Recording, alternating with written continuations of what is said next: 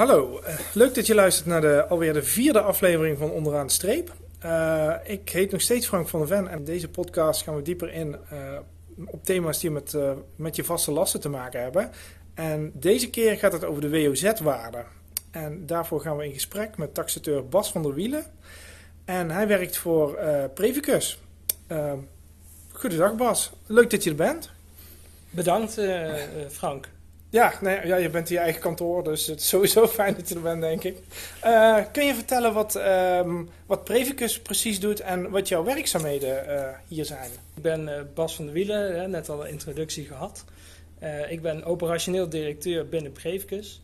En ik ben ooit begonnen als WOZ-consulent. Ik heb mijn WOZ-taxatiediploma gehaald, lang geleden al.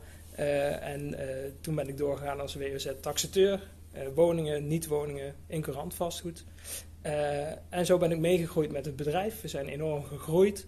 En uiteindelijk uh, ben ik nu operationeel directeur en heb ik de leiding over onder andere het taxateursteam die de WOZ-bezwaren afhandelt voor alle burgers die, die bezwaren willen maken tegen de WOZ-waarde. En hoe lang werk je inmiddels voor Previcus? Uh, dat is uh, nu bijna tien jaar. Nog, uh, nog een maandje wachten, ongeveer 20 maart. Dan zit ik hier tien jaar in okay, dienst. Oké, okay, dat is een hele mijlpaal. Zeker, ja. zeker. En, en wat is in die tien jaar de, meest, de grootste ontwikkeling die jij hebt gezien binnen jouw werkveld? Um, er komt steeds meer een verschuiving vanuit, vanuit de markt, eigenlijk zomaar gezegd waarbij we in het begin heel erg keken naar de waardetechnische eh, onderdelen. Uh, maar het verandert nu steeds meer naar de verjuridisering, om het zo maar even te noemen. Uh, dus wat er gebeurt is, um, waar we vroeger in een crisis zaten, hè, in 2012 was de woningmarkt nog echt op een dieptepunt. weinig referentiepanden, dus konden wij bij de gemeente heel veel um, met verkoopcijfers strooien om de WOZ-waarde naar beneden te krijgen. Nu heeft de gemeente heel veel verkoopcijfers waar ze uit kunnen putten. Dus nu moeten we het meer zoeken in, de, uh, in het object zelf. dus uh, zijn er gedateerde voorzieningen? Uh, is er iets met de ligging aan de hand? kloppen de objectkenmerken wel? dus moeten we dieper ingaan op het pand zelf in plaats van waar we vroeger vooral keken naar de onderbouwing van de gemeente. Oké, okay, dat lijkt me wel een interessante uitdaging. Zeker, zeker. Het blijft een interessante uitdaging en elk object is uniek. Dus daar doen we het ook voor.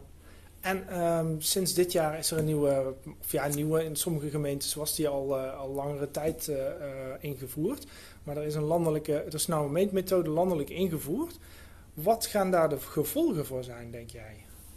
Ja, de meetmethodiek is veranderd. dus we gaan in plaats van naar kubieke meters kijken, naar vierkante meters kijken.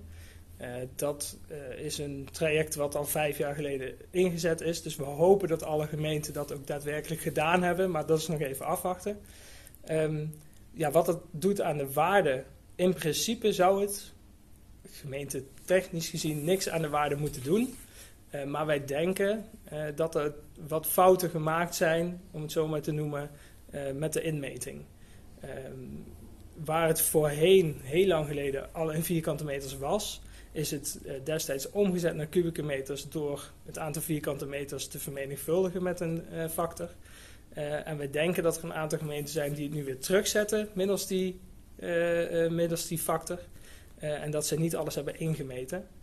Wat we hebben gemerkt de afgelopen jaren is eigenlijk al dat wij hebben aangegeven bij verschillende gemeentes. Doe de appartementen nou in ieder geval al op basis van vierkante meters. Want je huurt of je koopt 40 vierkante meter. En of dat plafond nou 5 meter hoog is of 2,5 meter hoog is, je kunt maar die 40 vierkante meter gebruiken.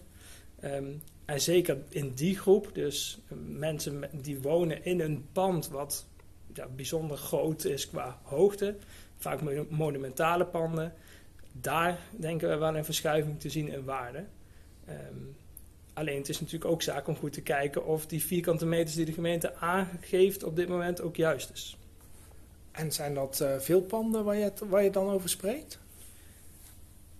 Wij hebben voor uh, woningcoöperaties en vooroverleg uh, al um, dingen gedaan. Wij hebben al een kort onderzoekje gedaan tussen ehm, ja, wat de gemeente denkt dat het zou moeten zijn en wat wij denken eh, dat het zou moeten zijn. En wij zien daar wat afwijkingen in. Dus wij adviseren wel, ook al denken dat die WOZ-waarde juist is vastgesteld, check toch altijd even naar wat heeft de gemeente gedaan. Probeer inzichtelijk te krijgen op welke manier die WOZ-waarde tot stand is gekomen. En een van de belangrijke onderdelen daarin is, klopt het metrage van de woning? Uh, dus uh, hoeveel vierkante meters is het? En vorig jaar was het in kubieke meters, dus ja, wij zien daar wel veel mogelijkheden in. Ook voor de burger om in ieder geval de check te doen, klopt de, kloppen de gegevens. ja, burgers kunnen ook zelf uiteraard kijken hoe heeft de gemeente de WOZ-waarde vastgesteld. meestal zit er bij je aanslagbiljet al een, of een taxatieverslag of ze geven de mogelijkheid om via een portal of uh, een website in te loggen en in ieder geval te zien hoe de WOZ-waarde tot stand is gekomen. Um, dan zie je daar vaak heel sumier uh, hoe de gemeente de WOZ-waarde heeft vastgesteld. Dat heet een taxatieverslag. Er staan drie referentiepanden op, drie verkoopcijfers van vergelijkbare woningen. Uh, en op basis daarvan wordt de WOZ-waarde vastgesteld. En waar wij de afgelopen jaren voornamelijk mee bezig zijn geweest is maak het nu transparanter. Maak het inzichtelijker. Onderbouw het beter. Het moet voor een ieder eigenlijk duidelijk zijn hoe de gemeente tot die waarde is gekomen. En op basis van enkel dat taxatieverslag, waar misschien al objectonderdelen op staan die niet kloppen, uh, ja, dan kun je eigenlijk niet goed inschatting maken of het juist is of niet. Um, en wij kijken als expert veel dieper uh, in die materie. Wij vragen bij de gemeente ook wat extra stukken op zodat we zeker weten hoe die onderbouwing is. Uh, en daarnaast kijken wij natuurlijk naar wat, wat een burger aan zou willen dragen. En dus we hebben contact met, met onze klanten en vragen daar noodzakelijke informatie op. onder andere hoe is de staat van de woning aan de binnenzijde. Um, we kijken op luchtfoto's, we kijken op informatiebronnen hoe de ligging is. Of er andere dingen zijn waar we rekening mee moeten houden op juridisch vlak. En op die manier kijken wij als, ja, met ons ex, expert-oog ook naar, naar de onderbouwing van de gemeente en of die op een juiste manier tot stand is gekomen. Ja, dus als, als ik het goed begrijp, is jouw advies eigenlijk van maak sowieso gebruik van een WOZ-adviesbureau, want die gaan iets grondiger te werk dan de gemiddelde gemeente, laat ik het zo zeggen. de gemeente waardeert inderdaad op basis van modelmatig niveau. Dus die kijken wat minder goed naar het specifieke karakter van een woning. Uh, op het moment dat daar inderdaad gedateerde voorzieningen zijn, dus een badkamer die 20 jaar of ouder is, dan adviseren we wel aan een ieder in Nederland om goed te kijken hoe is die onderbouwing van de gemeente. Heeft de gemeente rekening gehouden met die gedateerde badkamer? of ligt het in lijn met de buurwoning die toevallig vorig jaar compleet gemoderniseerd is?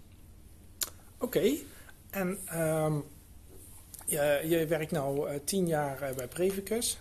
Zijn er bepaalde trends uh, die, jij kunt, die jij hebt gesignaleerd de afgelopen jaren?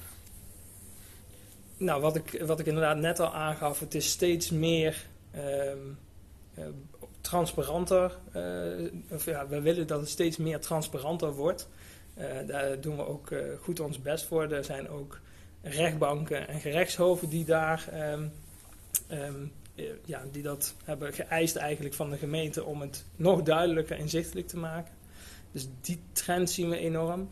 Uh, en wat ik net ook al aangaf, we zijn vanuit een slechte situatie, een uh, slechte uh, woningmarkt, zijn we nu naar een florerende woningmarkt geweest. Dus waar het voornamelijk voorheen was, de WOZ-waarde loopt een jaar achter. Dus mensen zagen destijds, oh mijn WOZ-waarde is veel hoger vastgesteld dan dat mijn markt nu is. Dat is nu gekanteld en zien we juist dat de WOZ-waarde een jaar achterloopt met de stijging van de markt. Um, waardoor mensen nu heel erg het gevoel hebben van, ja maar die stijging is dusdanig hoog, waarom moet ik de dupe zijn van die stijgende woningmarkt? Dus ja, dat, uh, dat verschil dat, dat is zeker waarneembaar de afgelopen jaren geweest. Ja. En is het ook een ja, ik weet niet of het goede woord een trend is. Het gegeven dat er meer WOZ-adviesbureaus zijn bijgekomen de afgelopen jaren? Um, ja, er zijn, er zijn altijd al veel WOZ-advieskantoren geweest. en we zien ze komen en we zien ze gaan, om het zo maar te zeggen. er zijn eigenlijk ja, vijf tot negen echt grote WOZ-advieskantoren. En die draaien eigenlijk al die tijd ook al mee. Ehm, vooral de grote drie, die zijn eigenlijk al, al die jaren ook actief. En daar zit ook wel verschil in tussen uh, wat wij dan ook vanuit gemeentekant uh, terug horen tussen de bureaus. Er is ook een onderzoek geweest ehm, naar WOZ-advieskantoren. en daar staat ook heel duidelijk in geschreven dat er wel degelijk verschil zit in kwaliteit die geleverd wordt door een WOZ-advieskantoor die al langer bestaat. en een WOZ-advieskantoor die het ja, niet als core business heeft, maar misschien daarnaast doet. En um, op welke gronden worden bezwaren het vaakst goedgekeurd? Ja, wat we tegenwoordig zien is dat er um, uh, een aantal facetten zijn. Het eerste is eigenlijk voornamelijk de ligging. Uh, dus uh, ligt de woning tegenover een basisschool of naast een basisschool. Ehm, dan, en de referentiepanden die de gemeente gebruikt, die liggen daar verder vandaan. Dan zien we dat dat inderdaad een succesfactor is. Um, dus de ligging voornamelijk. En dat kan, uh, ik noem nu als voorbeeld de basisschool, maar dat kan ook nabij een hoogspanningsmast zijn. Kan ook nabij uh, een agrarisch object zijn. Uh, dus we hebben het over stankoverlast, over geluidsoverlast. dus dat zien we enorm. en, en of dat deels met de coronapandemie te maken heeft, weet ik niet. Maar um, de gemeente weet vaak de binnenzijde niet goed te waarderen. Uh, dus wat we vaak zien is dat mensen bij ons aangeven dat ze gedateerde voorzieningen hebben. Ik liet het net al even vallen. Een gedateerde badkamer die 20 jaar of ouder is, een keuken, een toilet uh, of achterstallig onderhoud aan de woning. Ja, dan merken we wel dat de gemeente daarvan niet op de hoogte is. En dat ook dat vaak een grote succesfactor oplevert. Oké. En um, ja, het is een beetje een gemene vraag. Als je terugdenkt aan de afgelopen tien jaar, is er dan een eh, bepaalde zaak geweest waarvan jij zegt, nou dat is toch wel het, het, het hoogtepunt uit mijn carrière tot nu toe geweest? Want dat hebben we echt, daar hebben we echt iets heel bijzonders uh, uh, mee neergezet. Ja, er zijn uh, veel zaken die, die de revue gepasseerd hebben in die tien jaar. Eén zaak die er zeker bovenuit stijgt, mijn zinziens, is Madurodam. de ja, het, pretpark noem ik het dan maar even zo. Um, waar wij uh, geadviseerd hebben en twee jaar op rij de WOZ-waarde hebben weten te kunnen verlagen. Um, en dagelijks komen er eigenlijk leuke voorbeelden van woningen voorbij. Uh, die ook uh, zeker op het netvlies blijven hangen. maar niet, niet tien jaar lang, zeg maar. Um, dus wij proberen als collega's onderling ook goed ja, te communiceren met elkaar. Uh, aan te geven op basis waarvan iets verlaagd is. En ja, uh, in sommige gevallen is het een wat minder percentage dat van de WOZ-waarde afgaat. Maar we komen ook gevallen tegen dat ook bij woningen dat er meer dan 30 tot, tot 50 procent van de waarde afgaat. Ja, dat zijn wel de succesverhalen die we hier binnen Previcus hebben. Ja. Oké. En uh, verwacht je dat jouw werk uh, gemakkelijker wordt nu uh, die nieuwe rekenmethode landelijk wordt ingevoerd? Ik denk juist dat het, nou moeilijker wil ik niet zeggen. Um, we moeten nog beter gaan kijken of hetgeen wat de gemeente gedaan heeft juist is en of het klopt.